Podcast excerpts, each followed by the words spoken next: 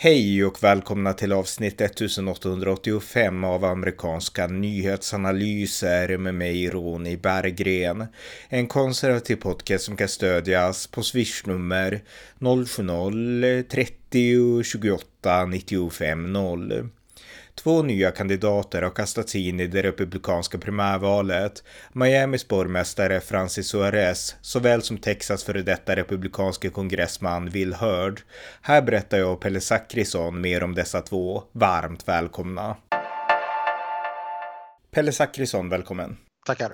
Eh, det republikanska primärvalsracet det fortsätter och även om man kan tycka att det är fullt så är det allt fler kandidater som hoppar på tåget. Och eh, vi ska prata om specifikt två personer här som har gett sig in i leken. Och en av dem är borgmästare i Miami. Vad heter han och vem är han?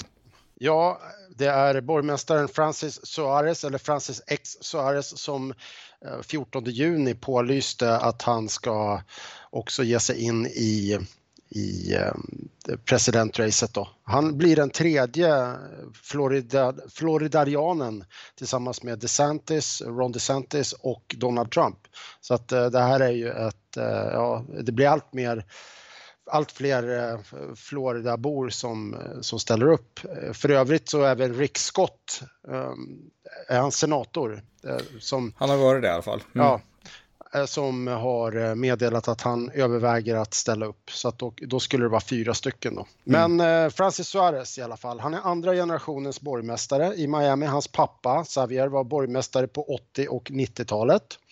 Han har varit, han har röstat mot Trump, alltså i, i, vid valet 2020 så röstade han mot Trump. Han har även röstat mot Ron DeSantis och um, i senaste valet här och tidigare så har han röstat för Ron DeSantis vid ett tillfälle. Men han blev intervjuad om det här med Ron DeSantis av Larry Kudlow på Fox Business. Eh, jag kan rekommendera Larry Kudlow för övrigt. Eh, mycket bra eh, reporter, eller mycket bra programledare. Han har jobbat åt Ronald Reagan på 80-talet. Men då fick han frågan om vad han hade för relation till Ron DeSantis och då sa han det ungefär att han eh, fick inget tack för att han hade stöttat och endorsat Ron DeSantis så då, då röstade han inte på honom ungefär. Så att han verkade lite småaktig. Eh, och han sa väl också att Ron DeSantis är inte känd som någon, eh, någon, liksom, någon people's person. Så att, mm. ja, de, det verkar inte vara några varmare känslor mellan Ron DeSantis och Francis Suarez. Mm. Så att Sen har jag försökt ta reda på lite grann vart står han i de olika frågorna. Det enda jag har kunnat riktigt eh, ta fram det är att han dels gillar han kryptovalutor och, och sen har han då, han, en, han skulle rösta ja till ett 15 veckors abortförbud och ett federalt, alltså nationellt. Och då det här kan ju du bättre än mig Ronny, men ett 15 veckors abortförbud, det, det är ju inte så, som det framställs från vänsterhåll ibland som en eh, enbart att man, man vill begränsa aborträtten utan det handlar också om att hitta någon form av kompromiss. Eller är jag fel ute här? Eh, jag kan inte tillräckligt bra faktiskt, så bra kan jag inte utan men möjligtvis så ja. Mm. Ja, Nej, men man, man höjer det. I vissa delstater så är det ju sex veckor, i, i vissa delstater är det numera totalförbud och så vidare och då skulle det här hitta någon mellanväg. Mm. Så. Han är, han är också, jag kan säga också att eh, Francis Suarez, han är också en som har betonat att han vill göra Miami till en high-tech hub. Alltså han vill satsa på alltså, dataprogrammering och high-tech i Miami. Så att det verkar, han verkar brinna för sådana frågor. Ja, och, och sen eh, Miami ligger ju där det ligger nära med mycket, mycket orkaner och sådär så att han, han anses då ligga, vad ska jag säga, närmare eh, mitten i, i såna här klimatfrågor, även om han inte varit eh, något sånt där entydigt, eh, någon tydlighet där då. Han har under coronapandemin så kritiserade han DeSantis och tyckte att som borgmästare så borde man kunna lokalt bestämma om eh, sådana här maskmandat, eller vad heter det, munskydds... Eh, Krav. Ja, munskyddskrav, precis. Men sammanfattningsvis är det svårt att se alltså han har ju ingen chans, han är helt chanslös. Det finns liksom ingen poäng för honom att ställa upp annat än att han möjligen då skulle kunna vara en, eh, en bra vicepresidentkandidat. Att eh, han då skulle tilltala en, en eh, latinamerikansk väljarbas.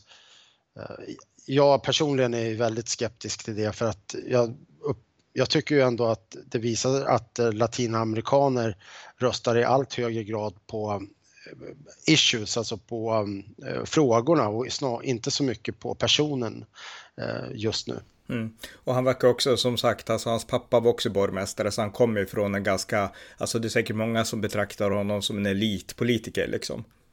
Ja men precis, han, han har inte den här förmågan att han har inte den här förmågan att betraktas som en outsider och som borgmästare så har han ju inte egentligen någon större erfarenhet av det här eh, liksom, han har ju, alltså, att vara borgmästare, det låter ju att det är en väldigt fin titel, men det är ganska mycket en ceremoniell titel faktiskt. Det är, inte, det är inte samma sak som att vara, det är inte som att vara lokal guvernör. DeSantis är ju, eh, han har ju en otrolig makt och Greg Abbott i Texas är ju en guvernör som eh, styr med järnhand. Men en, en borgmästare är ju i jämförelse ingenting. Han är ju en puttefnask. Mm, ja, verkligen. Eh, ja, något mer att säga om, om honom? Nej, men det är ju att, eh, ja, det, det är att det är märkligt, eh, alltså det är märkligt att han hoppar in och det säger, det är väl mer en indikator på att, eh, att det går dåligt för Ron DeSantis. Mm. Ja, precis. De ser sin, eller han ser sin chans att liksom eh, inte ta in på Trump kanske, men på just Ron DeSantis som inte blev det här tydliga alternativet. Eh, men vi kan gå in på nästa kandidat då, för det där var alltså borgmästaren i Miami, eh, Francis Suarez. Eh, den andra som har hoppat in, det är en före detta kongressman. Han heter Will Hurd. Han har suttit i kongressen för Texas, 23 kongressdistrikt. Han är född 1977 och eh, han är svart ska sägas. Och eh, hans bakgrund är att han har varit i CIA i tio år som en slags underrättelseofficer. Han har gjort hemliga uppdrag i Pakistan under kriget mot terrorismen på 2000-talet. Så att en ganska tuff kille som har varit med i hela den här kontraterrorvevan där för, för 10-15 år sedan. Så ah, det var han. Sen så kandiderade han till kongressen 2010 första gången. Han förlorade då i primärvalet där i Texas 23 kongressdistrikt. Men sen ställde han upp igen 2014 och vann. Och eh, hans tid i politiken, alltså i kongressen, eh, kännetecknas av att han är, dels är han väldigt bipartisansk, samarbetar över partigränserna och eh, det har skrivits en hel del om olika frågor. Han är relativt, han är tuff när det gäller terrorism och liknande, men han har mittenpositioner i ganska många andra avseenden. Och han är också en kritiker av Donald Trump. Och eh, när han pålyste sin presidentkandidatur, vilket han gjorde igår på CBS News, eh, eller eh, på, eh, på CBS News, då sa han att Eh, Eh, allt för många kandidater, de är rädda för Donald Trump och eh, det kan vi inte vara. Och han menade att eh, om det blir en rematch nu, vilket det nu verkar bli mellan Biden och Trump, så är det en rematch from hell, sa han då, vill hört. Så att han är en kritiker både av Donald Trump och av Joe Biden och han verkar där vilja liksom inta tuffa förhållningssätt i vissa frågor, krig mot terror och liknande. Men samtidigt så vill han också vara tydlig med att det, alltså politik politik är komplext och han har varit en kritiker till exempel av eh, Bidens gränspolitik, men då är det inte mer främst att han vill bygga en mur utan han vill ha ett fungerande system för legal invandring. Han tycker Biden har gjort ett dåligt jobb där. Han är också en kritiker till när Donald Trump stängde gränsen mot muslimska länder. Det tyckte han inte var bra. Så att han har lite olika mellanpositioner och han har väl det utifrån sin bakgrund i CIA.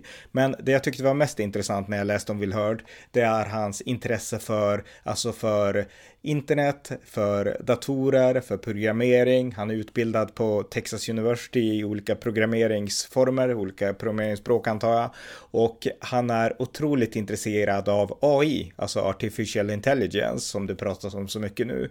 Och han sitter sedan 20, 2021 i styrelsen för, ehm, eh, för OpenAI och eh, han har hållit ett TED-talk häromåret om AI och han menade då att eh, AI är på väg att utvecklas väldigt snabbt och det gäller att USA liksom verkligen tar ledningen därför att den nation och de aktörer som tar ledningen i att utveckla AI, de kommer också sätta de moraliska och etiska eh, standarderna för hur man ska hantera AI. Om Kina går först i att eh, liksom utveckla AI, då kommer det inte finnas några standarder alls. De kommer använda, AI för att övervaka, för att döda människor och så vidare. Så att det gäller att rätt aktörer tar ledningen när det gäller liksom att, att utveckla AI, sa han. Och det tyckte jag var väldigt intressant och han samarbetade även med en demokrat när han satt i kongressen för de här frågorna. Så att här har vi i Villhörd den första AI-kandidaten. Rätt lustigt. Ja. Hur, eh, hur kritisk till Trump skulle du säga att han har varit, har varit då? Eh, väldigt kritisk av det jag sett. Jag menar, han, han, har också sagt att han fick en fråga på CBS News om eh, det här då med Trumps eh, dokumenten där i Mar-a-Lago och att det blir ett åtal mot Trump. Och han sa att det här är väldigt allvarligt. Trump visste vad han gjorde. Han visste att det var farliga dokument att ha privat. Och om jag blir president, vill höra alltså, så skulle jag inte benåda Donald Trump om han blev fälld i någon form av liksom, rättsprocess. Så att han var väldigt tydlig. Jag kommer inte att benåda Donald Trump om det skulle bli aktuellt. Så att han är väldigt tuff. För det låter ju som att han eh, snarare att han snarare håller på och pitchar för att få en någon form av eh, ministerroll i en kommande eh, i en kommande, kommande kabinett, men då skulle det snarare då vara hos Ron DeSantis om Ron DeSantis vinner. Ja, ja, absolut inte Trump och han har en historia av att vara kritisk mot Trump. Han kritiserade Trump 2016 efter den här Access Hollywood-banden där som kom ut och Trump pratade om liksom eh, grab them by the och så vidare. Eh, där kritiserade han Trump och han har kritiserat Trump alltså återkommande under Trumps presidentskap. Så att jag tror inte, alltså om den här som du berättade om, Juarez, om han är inne för att kanske vinna liksom någon position så verkar Will Hurd vara mycket mer av en idealist faktiskt. Det är liksom den känslan man får. Mm.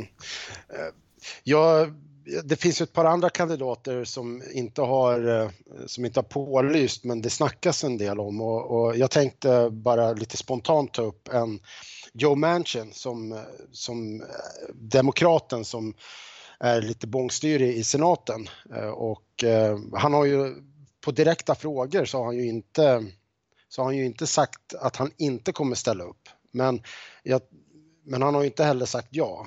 Och där bakom, bakom eh, Joe Manchin, eller de som jobbar för att få Joe Manchin att ställa upp förmodligen, det är en grupp då som heter No Labels. Jag vet inte, känner du till dem?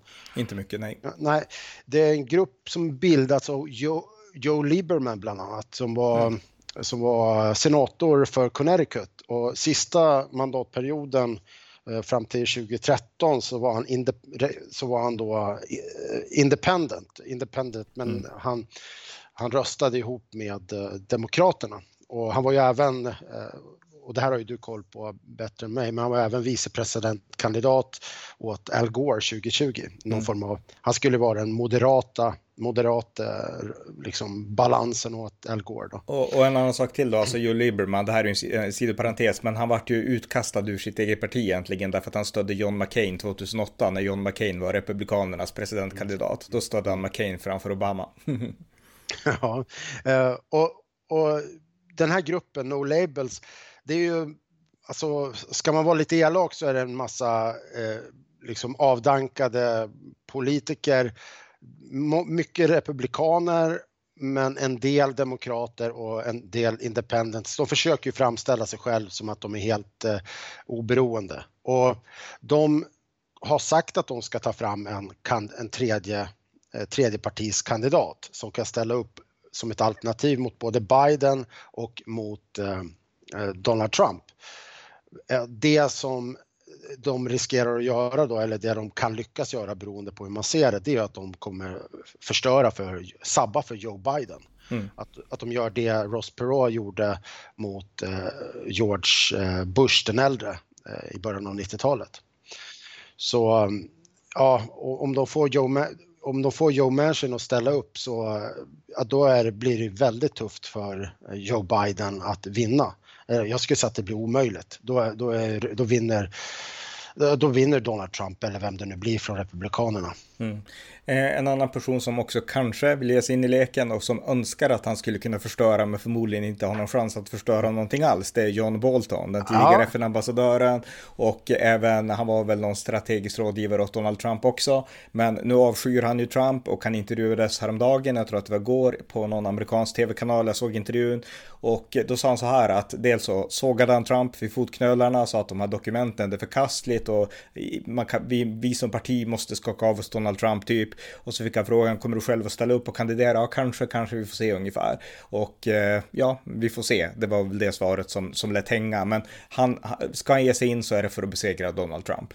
Ja, men jag såg också den där intervjun och det han har ju, eh, han har ju liksom svängt fram och tillbaka lite grann, John Bolton, om han ska ställa upp eller inte. Men nu tycker jag att han lutar mer åt att ställa upp än att inte göra det och också de senaste veckornas olika eh, utveckling, bland annat med eh, åtalet och för Mar-a-Lag och dokumenten, tycker jag tyder på att John Bolton ställer upp och hans Hans kritik av Trump, det handlar ju om att Trump är en småaktig, alltså att han har karaktärsbrister eh, och inte att han skulle vara en rysk eh, tillgång. Och ja, lyssnar man på John Bolton så hans eh, bedömning av Trump det är väl att Donald Trump är för inkompetent och har för stora svagheter för att ryssarna överhuvudtaget skulle vilja ha honom som en, en asset eller en, en, någon form av ja, ja, tillgång. Då.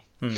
Men eh, även John Bolton, eh, absolut ett intressant namn och jag, jag är övertygad om att han kommer att, att pålysa men kommer ju inte, kommer ju inte ha någon, någonting att säga till om annat än att sabba för Trump.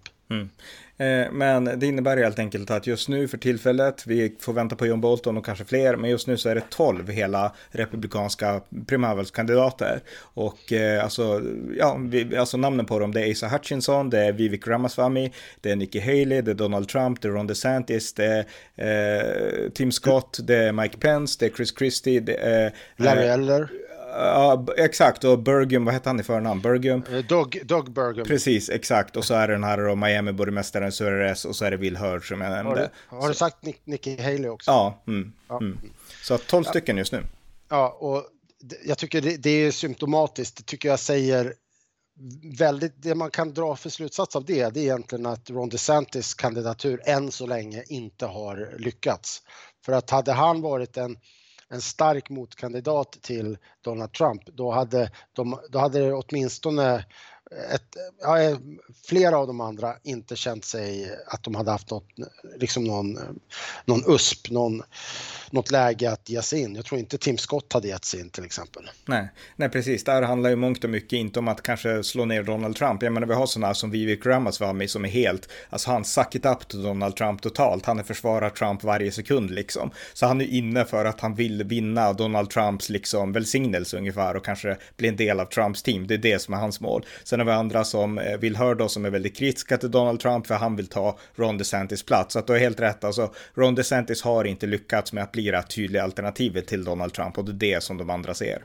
Mm. Och vi får ju se sen när han rullar igång den, eller hans superpack rullar igång den här kampanjen. De ska ju då betala tusen personer för att, eh, att eh, vara runt i dels i Iowa och sen i, i de tidiga delstaterna för att eh, försöka övertyga då väl, tidiga väljare om om Donald Trumps, eh, förlåt, om Ron DeSantis förträfflighet.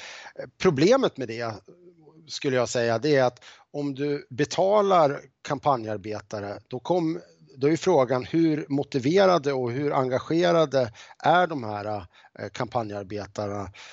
Eh, om du istället då har personer som på riktigt brinner för det här och gör det här av att de verkligen vill få kandidaten vald. Mm. Jag, jag, tror att det, jag tror att det där äh, kan bli en riktig, jag tror att det kan bli en flopp. Sen kanske det, det kanske funkar. Jag tycker det ska bli jäkligt intressant att se. Mm. Och jag kan också säga att just nu den här helgen så pågår Faith and Freedom Coalition, deras eh, konferens som hålls varje år, där man då får betona sin kristna tro. Ron DeSantis idag pratar om sin, ja, sin katolska tro och jag tror de flesta av presidentkandidaterna, många av dem i alla fall, kommer att vara där. Så att eh, just nu så är det mycket fokus på tron, vilket alltid är viktigt i de här republikanska primärvalssammanhangen. Så att, eh, ja, men okej, okay, tack så mycket Pelle. Tack. Tack för att ni har lyssnat på amerikanska nyhetsanalyser. En konservativ podcast som kan stödjas på swishnummer 070-30 28 95 0 eller via hemsidan på Paypal, Patreon eller bankkonto. Skänk också gärna en gåva till valfri Ukraina-hjälp. Allt gott tills nästa gång.